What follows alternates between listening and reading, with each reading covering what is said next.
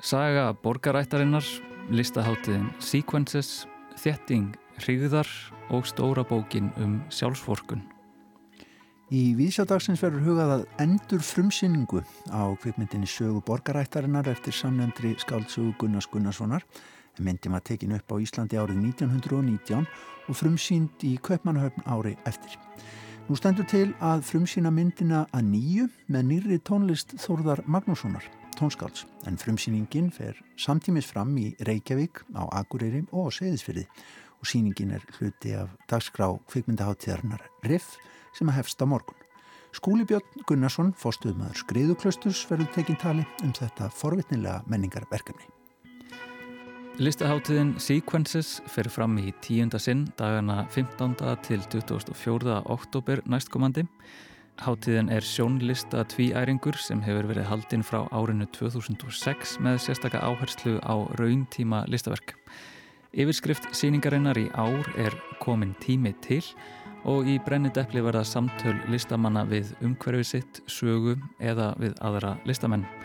Samtölinn fléttast meðvitað og ómeðvitað inn í tíðaranda og ríkjandi hugmyndir í samfélaginu. Við heyrum í síningarstjórum Sequences í þætti dagsins þeim Þór Önnu Dögg Björstóttur og Þráni Hjálmarsinni. Snæpit Brynjarsson, leiklistar gaggrinandi þáttarins verðum með okkur í dag. Hann skellti sér á síninguna Þjætting Hrigðar eftir uppistandaran reytumöndin, víninflytjandan og áhuga bóksaran Haldur Lagsnes Haldursson en hann er einnig þettur sem Dóri DNA. Gauti Kristmannsson, bókmyndagagreinandi viðsjár, segir frá bókinni Stóra bókin um sjálfsvorkun eftir Ingolf Eiríksson sem kom út nú á dögunum hjá forlæginum og segir frá Hallgrími sem röklast heim úr leiklistanámi í Erlendri Stórborg til að fara á geðdild. En við byrjum viðsjá dagsins í bíó, eða biograf.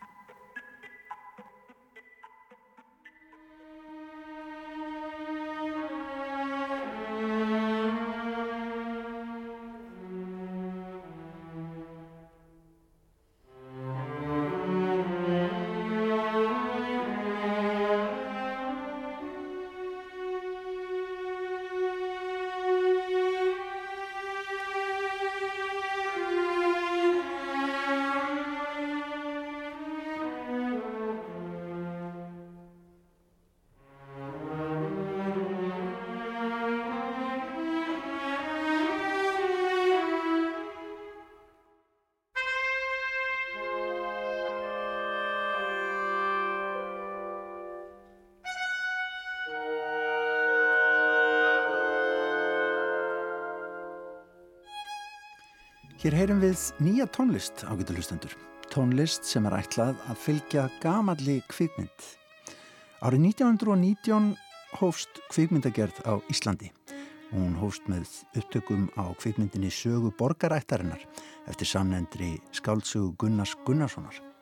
Í tilöfna af 100 ára afmæli myndarinnar hafa Kvikmyndasafn Íslands, Skriðuklaustur og Dansk Filminstitút endur gert myndina í stafrænu formi, í háskerpu og Þórður Magnússon hefur samið þessa nýju tónlist við myndina.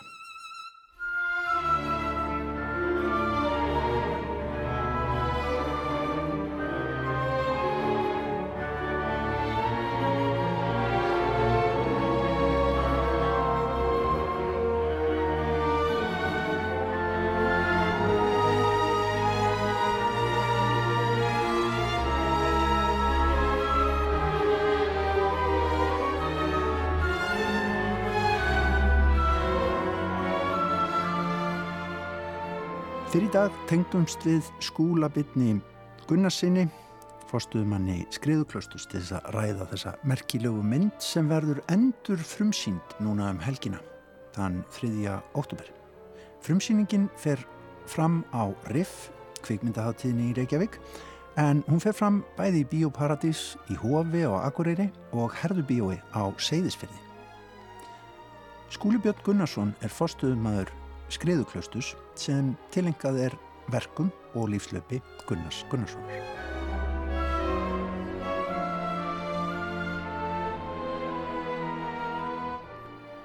Þetta er, það er nú liðin mörg ár síðan að, að ég og, og Erlendur Sveinsson þá var endur fórstuðum að Kvímundasaps Íslands fórum svona að ræða um hvort að, hvað, hvað verður hægt að gera í tilefni af 100 ára ammæli myndarinnar og eh, við vorum í sambandi við, við þá úti í danska Kvímundasafninu meðal annars og, og þeir lögðu á sig að, að setja sér í samband við söpn út um, út um heim og aðtöða hvort það leindist nokkuð, hefur dóttið inn nokkra nýjar spólur eitthvað stöðar af síningar eintökum af borgarættinni þannig að það svona, það var svona það fyrsta sem gerðist í þessu en, en síðan end, endar þetta með því að að eh, kveikmyndasafni eignast svo mjög góðan skanna svona háskerpu skanna í áslug 2017 og, og, og þá eru þeir orðin fullfærir um það að skanna myndina og endur vinnana síðan með, með teknimanni þar Jón Stefánsson heitir Sásnillingur sem hefur búin að vera að vinna þetta í ákveimyndasamlinu mm. Förum aftur um einn hundrað ár uh, hvað er svona merkilegt við söguborgarættarinnar? Í fyrsta lagi er þetta náttúrulega fyrsta leikna kveikmyndin sem er tekin upp á Íslandi þannig að íslenska kveikmyndaævintýrið hefst í rauninu með þessu eins og ég segi ferðamönnum sem koma hér í skriðuklaustura. Nú koma kveikmyndalegangurar í hverju viku, allavega hverju mánuðu til Íslands til að taka upp en, en þetta var sá fyrsti og, og það var náttúrulega stór frétt hér á landi og í rauninni í Danmörku líka. Man sér það á öllum bladúrklipunum að þetta var, þetta var eitt algjör nýjung. Svíjar hafður reyndar tekið upp fjallægivind eh, árið áður og hún var fyrir um sínd 1919 heimitt en þeir höfðu bara gert það norður í Lapplandið og þeir færu með leikara frá Stokkólmi þángað þannig að þetta var ennþá bilaðri hugmynd að fara allarleið til Íslands til þess að kaupmynda sögu borgarættarinnar mm. og svo í öðrulega er þá er það kannski, kannski þetta að, að, að eh, við sjáum þarna í þessari mynd svona svolítið inn í íslenska fortíð sko, inn í horfin heim. Því að myndin er tekin að stórun hlutu upp á keldum og rongarvöllum og, og reykvált í borgarfyrði þannig eru byggingar sem að sjást ekki lengur í dag og, og, og síðan er kannski það sem að drós og Íslandinga áratugum saman á þessa mynd það að að e, það voru mörg hundruð aukaleikarar sem að voru að taka þátt í fjölmennum fjölmennum tökum bæði, bæði út á landi og síðan ekki síður á Amtmannstúnni Reykjavík þar sem kvögutaveri var þannig að við sjáum þarna framann í fólk þessa tíma og, og rúnum rist má einlega segja því að, að hérna, þetta eru svona andlit 19. aldar sem að byrjast okkur hana leikstjórin Gunnar Sommerfeld. Hver, hver var þessi maður sem kom þarna með trukki og, og eiginlega bara já hvað maður segja uh, svona fórstartaði íslenski kvikmyndakerð eiginlega? Hann var, hann var, hann var full hlugi mikil sko, hann, var, hann er 28 ára þegar að, að, hann er 1919 og Gunnar Skáld er, er 30, þannig að þetta er ungir, ungir öflugir menn hann var búin að gera nokkra myndir eh, í Danmörku á þessum tíma og leikstýra og leika í myndum en, en, en síðan lesa hann þessa sögu Gunnars og fær, fær hugmyndin um það að ráðast í gera svona dramatískra stórmyndar og fara allarleið til Íslands. E, hann síðan næsta verk til dæmi sem hann tekur að sér eða ræðist í að það er, það er, ekki, það er ekki minna stórvirki bókmyndana, það er bara gróður jarðar eftir Knút Hamsun og, og, og reynslan af Íslandsferðinni var það góð að, að það er sem sagt, hann fer bara til Noregs og, og það er gróður jarðartekinu upp undir hans leikstjórn. Og hann átti eftir að gera fleiri myndir en, en endaði nú síðan æfi, æfina svona heldur snemma og já, var letist úti, var bara letist úti í drikkjuskap og endaði svona heldur á lágu, lágu plani og var dáin dáin ekkert jánu 1940. Mm. Ef við hugsaum um hinn Gunnarinn, okkar Gunnar, Gunnar Gunnarsson, þá er saga borgarættarinnar svona það sem kemur honum á korti, má ekki alveg segja það? Bókin sjálf? Í, jú, jú, þetta er náttúrulega bókin sem opnaði hann dittnar inn í danskan bókmentaheim og inn í hins bókmentinnar. Það, það er, þetta er bókin sem hann fær samningin hjá Gjölendal 1912 með fyrsta bindið Ormar Örlugsson og, og, og kom náttúrulega út þannig í fjórum bindum á, á ára 1912-14 og á þriðja bindi að þá er, þá er hún orðin þá er þetta orðið vinsæl vinsæl seria, getum við sagt sko. Og eins og Gunnar sagði nú síðan löngu setna að, að hérna að í hans síðustu endurgerð á bókinni að þá sleppir hann hreinlega fjórðabindinu sko að því að Að, að, að það hefði bara verið alveg nóg að hætta eftir því að bindi en, en, en Gílendal og Hanna þeir ákvaða að halda áfram og skrifa, skrifa fjórðabindi sem kom á 1914 vegna, vegna vinsaldasögunar ekki síst mm -hmm. Maður kannski á erfitt með að átta sig á því hvað hva bækur gáttu sleið svakalega í gegn hana í byrjun 2000. aldar Já þetta, bókmyndirnar voru náttúrulega einn helsta aðþrengin, kveikmyndirnar eru svona rétt að stíga sín fyrstu skref í sem almennt afþreyingarefni fyrir, fyrir almenning. Svo það var það var svona já, það er, það er svolítið erfitt að gera sig grein fyrir því hversu, hversu stórir í rauninni rítöfundar voru á þessum tíma. Þetta voru, þetta voru stjötnur þess tíma rítöfundarnir Þú nefnir þarna aðal sögupersonuna Ormar Örliksson uh, leikin af mugg myndlistamannum sem að er verið að fara að opna síningu með verkum Mugs í listasafni Íslands bara núnum helgina næstu þannig að þetta fer skemmtilega saman þýður og riff og, og Muggur í listasafni Íslands Já, það fellur, fellur skemmtilega saman og það er nú eiginlega hálkað tilvægljum sko mm. það gerist en, Hvernig, hvernig en, leikari var Muggur?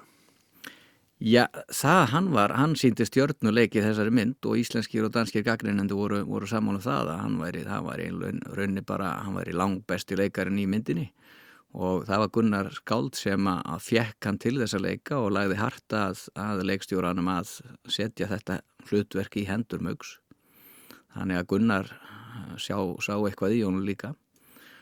Og, hann skilaði þessu hlutverki mjög vel. Gunnar var alveg með puttana í þessu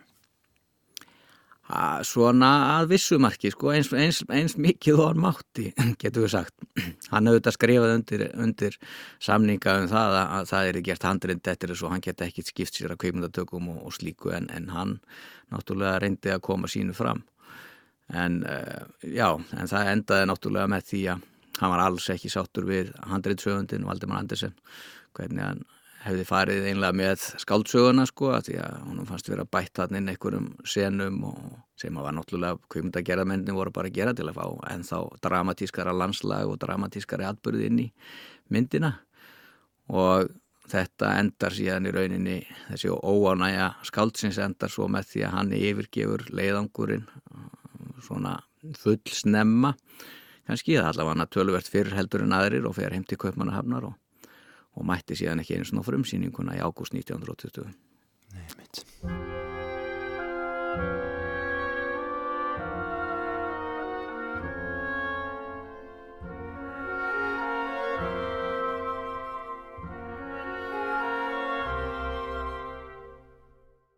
En varðandi þessa endurgerð ykkar, þá eru því að bæta heldur betur í rauninni hvað var þar tónlist, segð okkur aðeins frá því. Já, það er ekkert um, þegar maður hugsaður um það hvernig, hvernig áeinlega að presentera og koma með 100 ára gamla þögla þryggja tíma langa stórmynd inn á, á sjónarsviðið aftur. Að þá þá er það kannski ekki gert öðru sem heldur en að bæta einhverju nýrri sköpun við hana. Og það nægir ekki að fínpúsa myndina upp og, og komin yfir í háskerpu og, og vinna úr öllu besta efninu. Góða, góð myndgæði. Þannig að það var svona, það voru líka vanga veldur sem fór á stað fyrir löngu um það hvernig, hvernig væri nú hægt að tónsetja myndin aftur og og, og kvimdasefni var búið að vinna svo sem að því nokkuð lengi og gera ímsar tilraunir í rauninni því að, að fyrir hluti myndarinn var einu sinni fyrir margt löngu síndur á riff og þá spilaði hljónsundin Hjaltalín undir tónlist sem að þeir sömdu og fluttu á staðnum. En uh, það var endar endirinn var í rauninu síðan sá að, að ráða hreinlega bara tónskáld, ráða Þóru Magnússon til þess að semja nýja kvikmyndatónlist við þessa mynd. Og það er ekki hægt að segja annað heldur en að hann hafi leist það af hendi með alveg dásanlegum hætti. Það er þessi tónsmíð sem að menn muni heyra fá að heyra núna að hún, hún uh, gefur myndinu algjörlega nýtt líf og, og held ég eftir að fleit henni á kvikmyndaháttíðir út um allan heim og hún er allavega hann að bóku orðið nú þegar á tvær kvikmyndaháttíðir. Já, hugsa ykkur, þetta er að, þetta er að lifna við, heldur betur.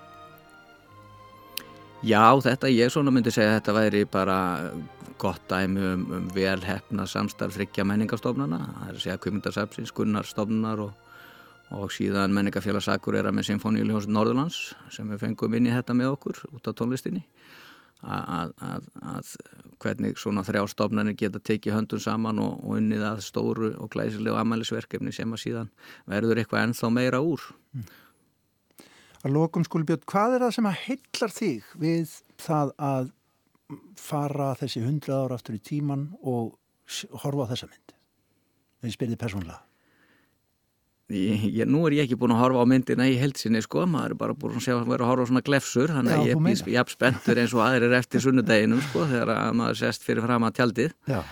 En það sem að heillar mig auðvitað mest er, er sko, það er eitthvað sjarmi yfir þessum gömlu þögglu myndum frá, frá því, þeirra, þeirra blóma skeiði og þegar að það kemur saman með tónlist sem að rýfur mann með sér inn í, inn í öll þessi svipriði og, og, og, og svona yktu leikrænu tilþrif sem að þurfti að beita í þögglu myndunum að þá, það, það er svona eitthvað, það er bara einhver önnur veröld, það er svona, það er bara þessi veröld þöglumyndana sem að maður sógast inn í og, hún heillar mjög allavega hana.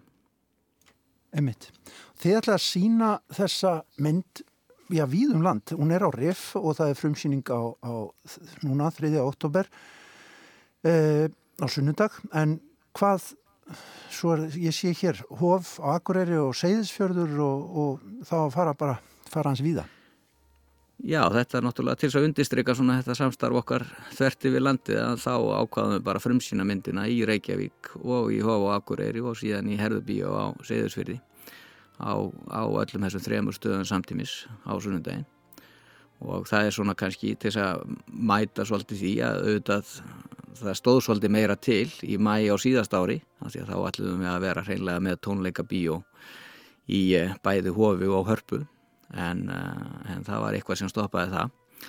Þannig að þetta er svona til þess að undistrykja svolítið þetta góða samstarf og, og, og, og líka bara færa myndina til fleiri landsmanna Einmitt, Þetta er algjörlega frábært verkefni. Bara til hamingi með þetta að vera búin að já, gera þetta allt upp og bæta tónlist við og allt og líka við þennan merka menningarar skúlibjöð Takk kærlega fyrir spjallið og takk fyrir að hitt okkur þarna í hljóðveri á eilstöðum Takk fyrir búið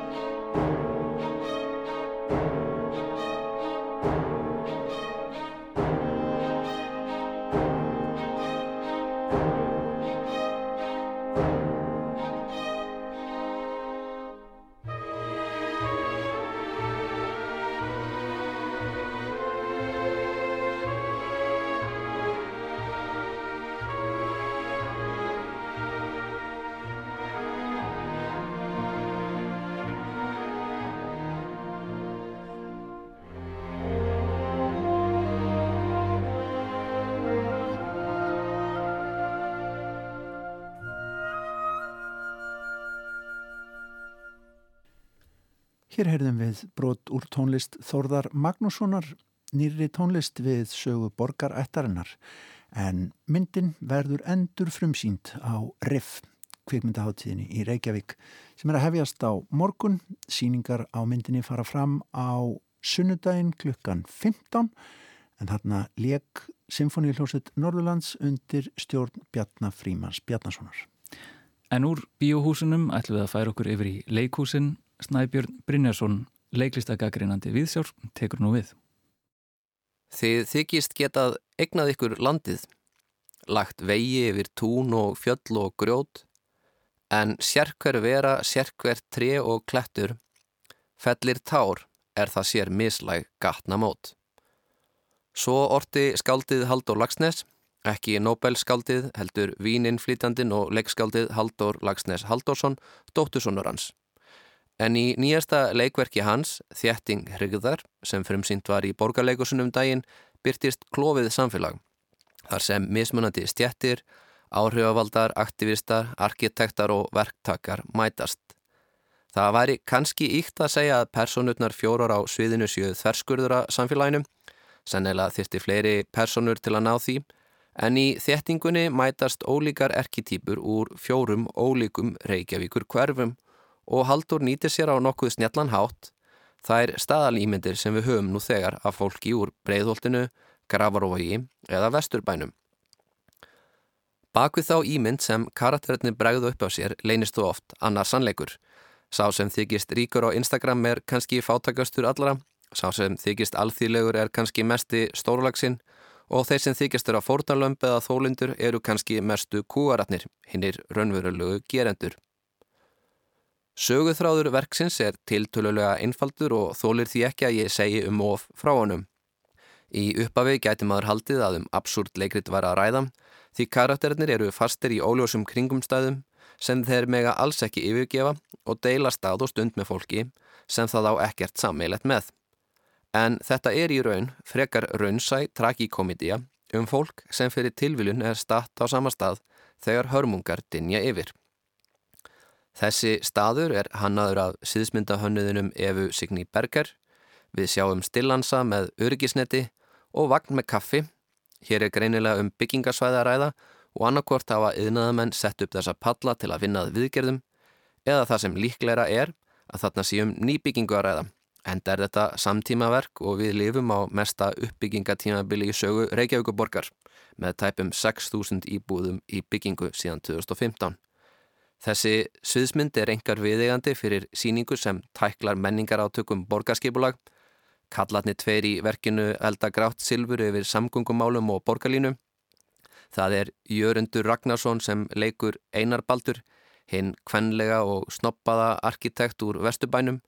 En Sveitn Ólafur Gunnarsson er í hlutverki Mána sem er kallmannlegur, skapstyggur, íaldsamur smiður úr Grafavogi. Bæði Jörundur og Sveit passa vel í sín hlutverk sem eru andstæður. Máni lítur í fyrstu út fyrir að vera fulltrúi verkalýðisins, maður sem vinnur með höndunum og má ekki vera neinu kæftadi. Einar Baldur verður aftur á móti fulltrúi mentuðu elitunar sem hefur lítinn skilning á því að ekki allir geti hjólað með verkfarakassan í vinnuna. En þar er einungis hálf sagan sögð. Ef við skoðum þetta frá marxísku sjónarhóttni þá horfir þetta allt öðruvísi við.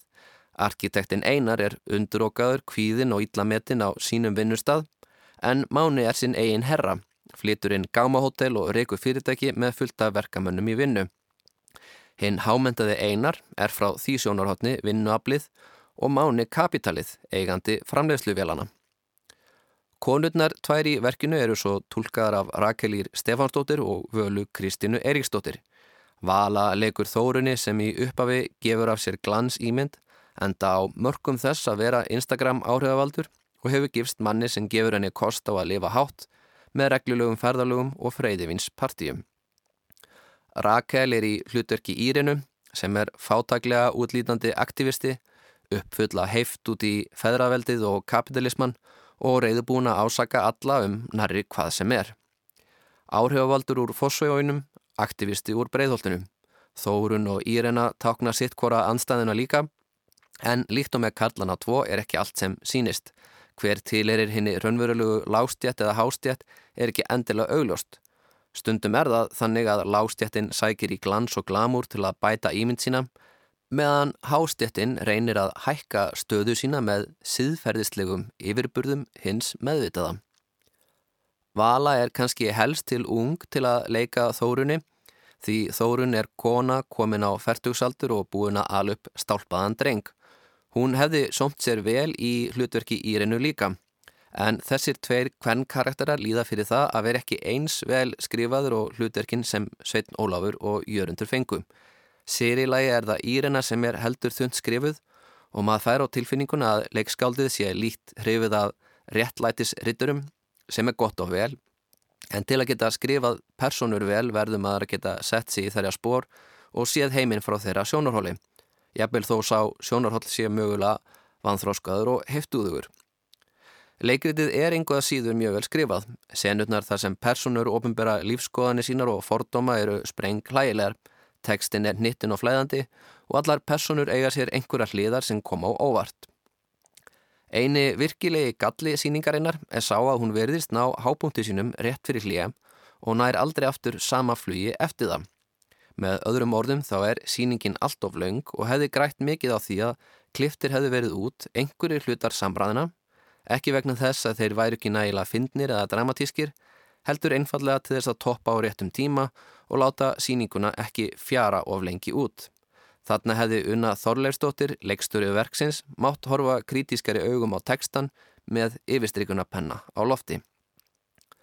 Þráttur í þetta er þjætting hrigðar skemmtileg síning. Una nær frábæri framöðstöðu frá leikurum sínum. Jörundur nær að gera arkitekt með mikilmennsku brjálaði sympatískan sem er afreg úta fyrir sig. Sama má segja um hinnar personurnar. Þær eru briskar en líka umgunnaverðar og fyndnar. Garðar Borgþórsson á skilið sérstaklega mikið lof fyrir tónlistina og hljóðmyndina í verkinu og það er djart val en hárétt ákvörðun hjá leikskaldinu og leikstjórunum að láta tvö stór söngatriði bróta upp verkið á komískan hátt. Niðurstaðan er því ágætt tragíkomídía með góðum leikurum, viðegandi umgjörð sem hefði með harðari rítstjórn getað farið á næsta stygg sagði Snæbjörn Brynjarsson um leiksýninguna Þjetting Hrigðar sem sínd er í borgarleikúsinu. En úr leikúsinu förum við yfir í bókmyndinar. Gauti Krismansson hefur verið að lesa stóru bókina um sjálfsvorkun eftir Ingólf Eiríksson. Sjálfsvorkun er tilfinning eða ástand sem við byrjum ekki mikla verðingu fyrir. Síð og hakkfræðingurinn Adam Smith hjælti fram í bóksinn um síðlegar kendir að samliðan okkar með mannesku sem íkir viðbröð sín við sársöka snýrist upp í fyrirlitningu. Þeir er lasutan á stóru bókinum sjálfsvorkun að hún snýrist um ungan mann sem hröklast úr leiklistanámi Erlendis eftir sambandslitt til þess að fara á geðdeild, þá datt mér í huga titillin var í írónískur að einhver leiti. Og vísast er hann það því sagan sjálf er ekki írónískum höndum um efnið heldur með fullri virðingu og raunverulegri samlíðan með erfiðleikum aðalpersonunar Hallgríms. Titillin vísa þannig til þeirra viðbræða sumra við þunglindi annara að líta á það sem sjálfsvorkun og vesaldóm þótt allt upplýst fólk viti að um sjúkdóm er að ræða sem viðkomandi á enga sög á. Sagan er sögða mest á tveimur plönum og fyrstu personu nútíðar, engungu frá vitundar með því Hallgríms og við kynnust öllum öðrum personum út frá því sem hann segir um þær. Kærast hann aðalheiður, foraldrar hans, frænka hans heitinn, gríma, frændin gísli sem einnig er látin, sálfræðingurinn Tómas og aðrar auka hlutverkum. Plönin eru tvö tímabil í æfi unga mannsins. Það fyrra lýsi því þegar hann fyrir leiklistarnám í borg í Breitlandi en ekki kemur beinilins fram um hvaða borg að ræða. Það síðar að segja frá tilveru unga mannsins og bataferli eftir að hann er komin heim í meðferð hjá sálfræðingi. Þannig fáum við að fylgjast með því hvernig tilvara hans liðast í sundur og nánast samtímis hvernig hann tekst á við það með hjálplifi á sálfræðings. Þessir tveir frásagnarþræðir kallast vel á og sagan er mjög vel byggðað þessu leiti. Speiklun tímabilana hvort í öðru virkan mjög vel. Frásagnin líka af að raunsæ meira segja því að drungin er lagstur yfir sögumannin mjög raugrétt og einhver getur spurt hvort það sé í samræmi við veikindin sem lístir. En það hefnast samt að koma niðurbróti hugast í skila að mestu leiti. Hugsanlega hefur stílinn tölver áhrif í þessu. Stuttara alsetningar í gegnum söguna Og það er greinlega meðvitað því eins og sögum að það segir á einum stað tilvitnun hefst. Þetta er saga með punti, ekki komu eftir komu án enda tilvitnun líkur. Nú er það auðvitað smekksadriði, en mér finnst að nokkrar komur hefði ekki sakað. Stundum kalla djúpir þangar á langar málskreinar. Þessi aðalsetningastíl gerir frásögna þó fyrirstöðu minni og heldur nokkuð hröðum takti í sögu þar sem framvindan er í sjálfu sér hæg. Mikilvægasti þáttur sögunar er þó persónusköpunin í Hallgrími sjálfum sem ég fannst ganga vel upp. Hann er trúverðu persóna og lesandin finnur vissulega til samlíðanar með honum. Þessi sem hér talar að miskosti. Aðrar persónur eru veigaminni en það helgast að því að við sjáum þar einungis utanfrá í gegnum augu Hallgríms. Við fáum samt á tilfinninguna að við getum þekkt þetta fólk. Það er trúverðugt í gegnum þessa linsu sögumannsins. Viðbröð þess rökrétt í samhenginu og það hefur ekki neina leindardóm að fjalla að undan skilinni frængunni, tvíburasýstur móðurinnar sem lést ungi þessari borg þar sem ungi maðurinn er í leiklistarnámi. Hún er að einhverju leiti örlagavaldurinn í lífi hans og hugsanlega hefur afneitun fjölskyldunar á því sem hana hendi átt sinn þátt í því. Skuggin af henni grúfur samt yfir fjölskyldunni og ekki síst Hallgrími þegar hún er fyrir að líða verð og hann missir sambandi við umhverfið sitt. Nafn hennar Gríma segir líka sitt á takrann hátt. Annað takk sem gengur í gegnum söguna eru blessaðir sveppirnir sem vaksa í leku baðherberginu í íbúðinni sem þau Hallgrímur og aðalheður leia. Sveppir sem vaksa út úr rökum múrnum í herberginu og ágerast í takt við vaksandi vanhelsu hans. Meira sé eftir að búið er að brjóta upp veggin og laga vassrörin óþjættu. Áinn sem rennur í gegnum borgina kemur líka endur tekið fyrir, hann dregst aðinni meir og meir eftir því sem á líður og það er vel gert hvernig hún speklar niðurbrót unga mannsins í gegnum óuppgerða minninguna um frænguna sálugu. Hann fer líka ávarpa hana beint, til dæmis á dánardegi hennar 12. februar og reynir sín að tólka hvernig fór fyrir henni á sínum tíma, tilvutun hefst. Ég geti haft það svona, bara of mikið áfengismagn í blóðunu og leikbrúðulappir sem riða til fals. Slis. Ég dýfi tánum í fljótið. Gruggugt vatn og kallt fyllir skóna, tilvutun líkur. Þegar ungi maðurinn kemur svo holdvotur heim, lætur hann renna í bað, tilvutun hefst. Sveppirnir fljóta í áttin að mér. Ég banda þeim ekki frá, leifi þeim að leggjast upp við bera húðina. Engin möguleikar, bara spurning og svar, tilvutun líkur.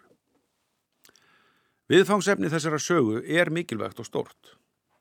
Við vitum að margt ungt fólk fellur fyrir eigin hendi vegna þunglindis og hugsanlega baráttunar við að verða fullorðin og taka ábyrð á einn lífi. Bæling og afneitun fjölskyldna á áföllum hafa líkast til sitt að segja og hafa jafnvel þau áhrif á þau sem eftir koma að þau brotna niður vegna þessa. Það er eitthvað tóm sem þau alast upp við og handleggi þegar á reynir. Þannig skildi ég að miskusti þessa frásögn og höfundunum hefur tekist að koma henni frá sér án þess að gera úr henni eitthvað melodrama, einmitt með því að láta sögumann ekki vera með einhverja sjálfsvorkun. Heldur fylgja honum hægt og óumflýjanlega út í krísu sem hann rekur nánast á dagbókarformi án allra upprópana. Lífið liðast einfallega í sundur og aðalpersonan lætur það hreinlega yfir sig ganga. Hún hefur engin ráð til að vinna gegn því fyrir hún fær hjálp og aðstóð. Það er því veltilfundið að kalla verkið stóru bókina um sjálfsvorkun og augra því viðhorfi að andlei veikindi séu vesaldómur og volaði með því að sína okkur mannesku sem lærir að takast á við þau og þar með gera okkur lesundum kleift að finna til samlíðanar eins og Adam Smith skilgrindi hana fyrir um 250 árum. Ef það er ekki veriðingavert, þá veit ég ekki hvað það ætti að vera. Saði Gauti Krismansson um stóru bókina um sjálfsvorkun eftir Ingólf Eiríksson.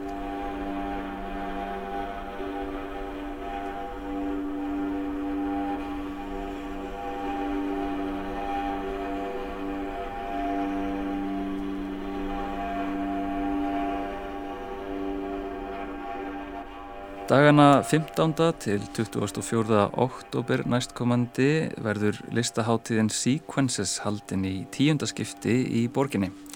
Sequences er sjónlistaháttíð sem sett voru að lagirnar árið 2006 en á háttíðinni hefur verið lögð sérstokk áhersla á raun tímaverk. Það eru nýlistasafnið Kling og Bang og kynningamiðstöð íslenskrar myndlistar sem standa að hátíðinni. En til mín eru komin síningastjórar Sequences í ár, þau Þóranandögg Björnstóttir og Þráin Hjálmarsson.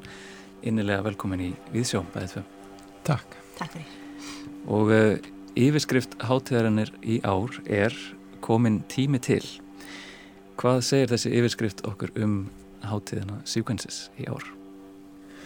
Já, við hérna, við veitum að gefa, gefa hlutunum nafn, en við erum sem sagt að, að vísa í svona þessi megin þræði sem að verist vera svona í gegnum gangandi hátíðina er það náttúrulega að Sequences er þetta samfélagsrými sem kemur spretti fram á tekjara fresti og þarna eru listamenn og, og svo listunundir og þetta er svona reyði afl í hérna, samfélaginu mm. við einhvern veginn bara fórum svona þessa látlösu en samt kímnu leið að segja komið tími til að það sé núna hent svona í ganga en þannig að við erum akkurat að hugsa um þetta þetta samfélagsrými augnablikksin sem að þessi hátíð skapa sér í hvert sinn Einmitt. og yeah. það segir hérna í lýsingu að sé lögð áhersla á raun tímaverk Mæt, mætti ég, um, ég spyrja ykkur hvað það er þessi rauntímaður skáttíðarinnar? Já, þau eru margskonar í rauninni. Um, það eru, þú veist, bæði verku þetta sem eru hérna einhvers konar um, eiga sér stað á, yfir ákveðin tíma. Geta verið klukkutímar, geta verið sólarhingur, geta verið um, einhvers konar hreyfing í, í, í myndmiðli sem á sér stað í, í marga daga. Veist, þetta er auðvitað bara áslega svona opið hugtak og mm. svo erum við líka auðvitað með verk sem eru virkuð í einhver augnablík yfir, yfir hátíðatíman uh, en eru þá eh, kannski ekki stöðnuð myndi maður segja heldur um, standa bara fyrir sínu en, en, en eiga síðan einhvers konar lifandi samband á, í rauntíma á einhvern mm. hátt. Já, og er þetta margir staðir sem að síningin er að eiga sér stað á? Já, hátíðin fer fram eða um all land. Það er hérna, við erum á Ísafjörði, það er galleri útkverfa og hérna svo er það kaktus og listasafn Akureyri á, á Akureyri og svo Skaftfell og Seðisfjörði. Þetta er svona nýjasta viðbútið við hátíðin að akkurat að styrkja eða sem sagt bara styðja við þær sinu sem eiga sér stað þar. Og svo er það svona eh, eru við hérna í borginni eh, þar sem að þetta tegist frá grandanum, það eru náttúrulega mikið að listamannareknum rýmum, Open nýlistasafnið, Kling og Bang. Um, og svo er kvikmyndadagskrá í Bíóparadís svo er viðbyrju í Flæði svo fyrir þetta í Skeljanes þar sem að þar er uh, kallað Pósthúsið. mm. Og, uh, og svo eru þetta líka útilistaverk hérna, Elisabethar og, og Mattiasar Rúnars í hveragerði sem okkur tykir vera svona eðlilegur viðkomum staðir á, á tíni mm, Svo eru við líka með Elko út á Granda sem er svona líka þetta bara er svona ekki hefðbundi vestlunirými en, en stort vestlunirými sem við erum búin að koma okkur fyrir í. Ok, mætti spyrja hvað verður í Elko? Já, hann Sæmundur Þór Helgason ætlar að vera með verk þar sem að er bæði til sölu og sínis um, og er svolítið svona marg eða svona fjölbreytilegt. Þetta er annars vegar ákveðin hlutur sem að mm, er, er þetta er svona belti sem hann kallar solar plexus belti og er um, á svona vinna gegn kvíða eða þá sérstaklega fjárhagskvíða hmm.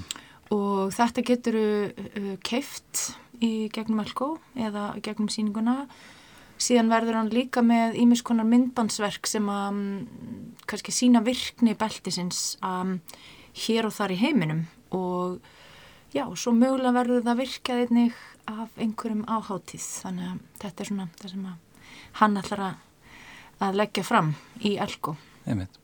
En já, ég sá einmitt að líka að uh, steinnin uh, hennar Elisabethar Kristínar Jökulsdóttir, hann er uh, svona, já, mynd vefsíðunar mm -hmm. þegar maður fer inn á hana eh, þetta er eh, verk sem hún vann með Mattiasi Rúnari Sigursinni mm -hmm. og heitir Þetta líður hjá hún er heiðuslistamæður hátíðarinnar hversuna var hún fyrir valinu?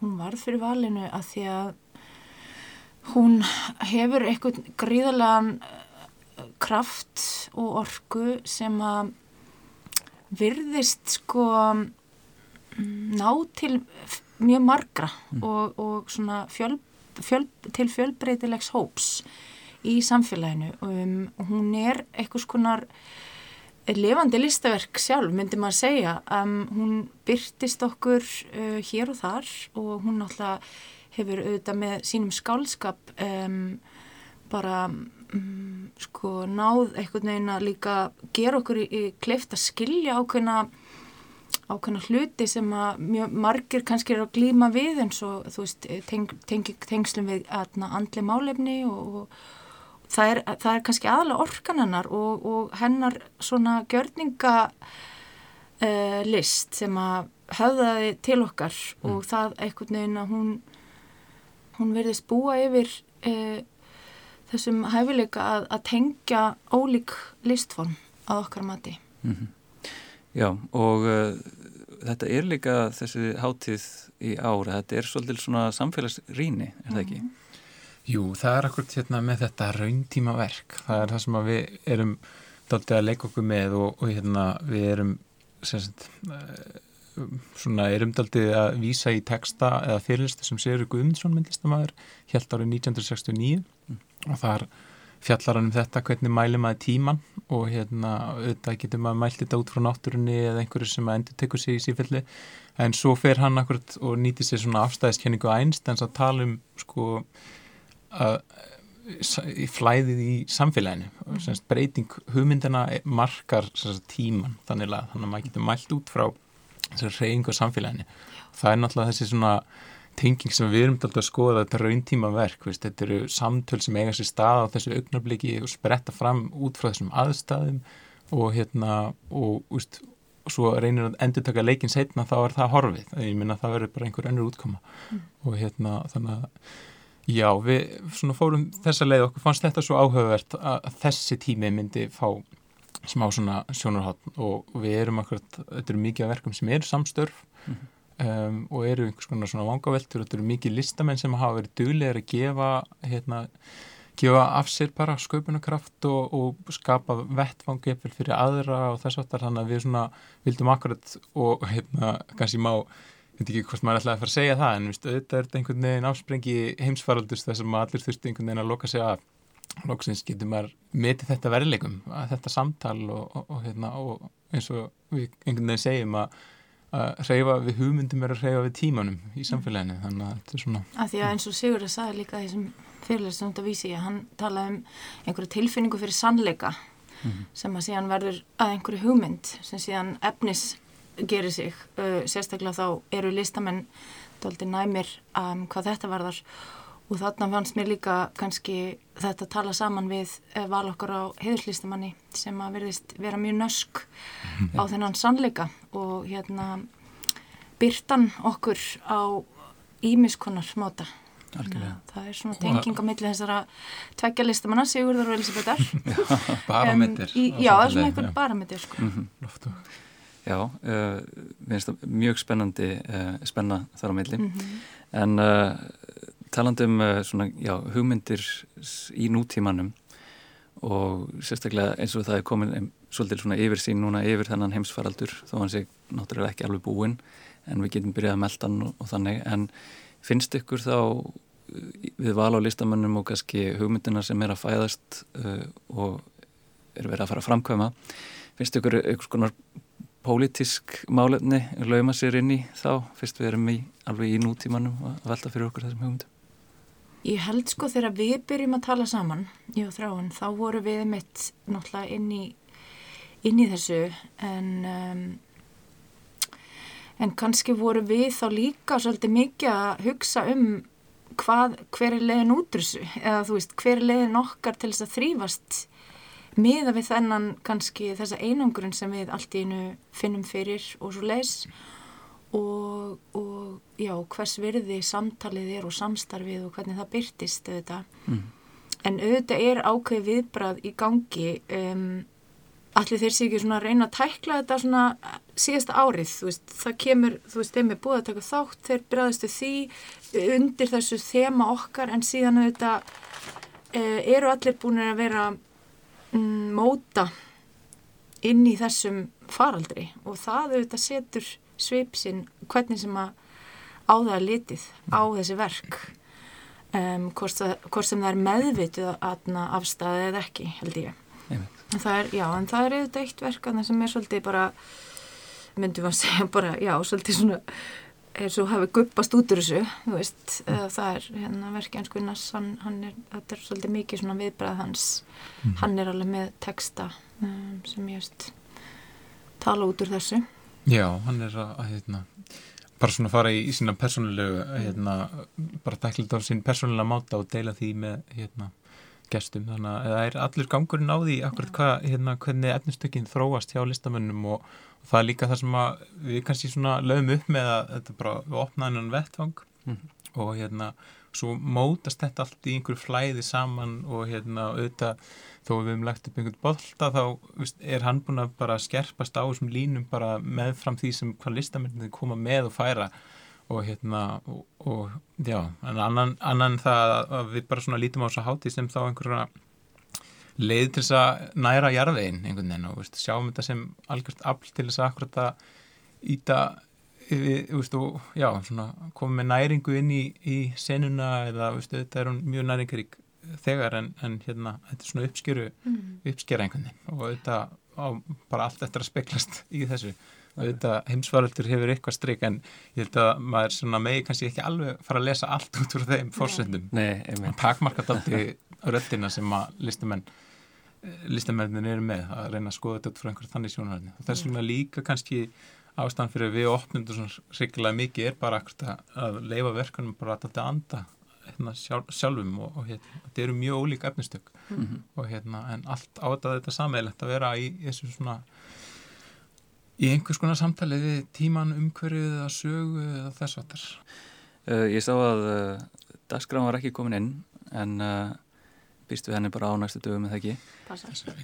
En longaði hins vegar aðeins að forvittnast hvort þið væri til að segja mér frá örfáum svona rauntímaverkum sem verða á Sequences í ár. Mm, Mér langar bara að nefna núna kannski fyrst á hérna Lucky 3 sem er samstarf á hérna millir Darren Mark, Dýrfennu Benito og Melanie Ubaldo þetta eru íslenski listamenn af filipiskum uppruna þau ætla að vera með gjörning í já það verða allavega 8 klukkstundir um, sem þau eru þá miða við út frá þessum svona hefbunda vinnudegi og þau verða þarna með þannig gjörning á lögadeginum 16. oktober og það sem þau eru að reyna að byrta í, í, í, í svona samhengi við okkar samfélag er, er, er að þau eru svona varpaljósi á sundran hóp fólk sem er rótlaust og er í stöðuru enduníun mm. og bestu að bjarga arfleysin í ljósi menningarlegs tjóns svona vilja þau eh, orða það Já, í Bíópartís þá er semst svona kvikmyndadaskrá og hún er kannski að svona þræðni sem er ábyrgndi þar eru svona einhvers konar personu persónusköpun það sem að nálgast kvikmyndaformyndaldi sem þessar leiðis að miðla einhverju persónu og hérna og þar er verður frumsýnd nýmynd ástufanir munnhóla og þar verður líka hérna Dottamagi og það verður svona yfirlitsýning má segja á verkum hennar sem að hún hefur verið sem kallast Cecil sem er þá yfirlita á þessum verkum hennar þar sem að hennar persóna eða ekki hennar persóna heldur persónasköpun sem að hún er að miðla í vítjuverkum það eru síndar þessar myndir í röð og ásamt því sem hún hefur unni nýtt verkin í þá röð. Þannig að það verður svona á, á skemmtilegt yfirlit síning á þessum ja, á hennar verkum. Já. og svo fannst okkur svo freistandi að hafa Meredith Monk líka hérna 16mm í rings sem er svona eitt af þessum frægari verkum Merediths. Og þessi dagskrámun fara fram svo að það verður uh, á, á opnunardeginum okkar 15. og þá ætlum við að líka sérst, þá verður þetta þá ætlum við að heiðra Elisabetu og, og hún ætlar að heiðra okkur og hérna þar sem við verðum með hérna viðburð í, í, í veröld sérst, í húsi Vigdísar og þar verða uh, sagðar sögur af sköpun ímiskonar síðan ætlum við að fremsýna þessa munnhólumynd ástufanjar í biopartís takkvöld en Já. setni helgin okkar þá verður helst þessi kvikmyndadaskra og hún fyrir sest, fram þannig setni helgin á hátíðinni bara til að hafa þá hreinu. Mm -hmm. um, þessi hátíðin alltaf alveg greiðarlega mikilvæg uh, fyrir listalifið á Íslandi og, og, og bara almenning myndi ég segja. Og við hérna, erum náttúrulega bara hér í mjög stuttu viðtali og getum ekki verið með tæmandi hérna, upplýsingar. En við erum með þetta bara greiðlega þakklátt þessum listamennum sem er komað fram fyrir það hversu örlátt þau eru. Og við erum bara já, mjög stolt af því að hafa sett saman þessa dasgrá mm -hmm. Og ég held að það verði engin sveikinn þannig að mæta og, og taka þátt með okkur. Mm -hmm. Þóruna Dag Björnstóttir og Þráin Hjálmarsson Takk hjálpa fyrir komna í þessu Takk, Takk fyrir okkur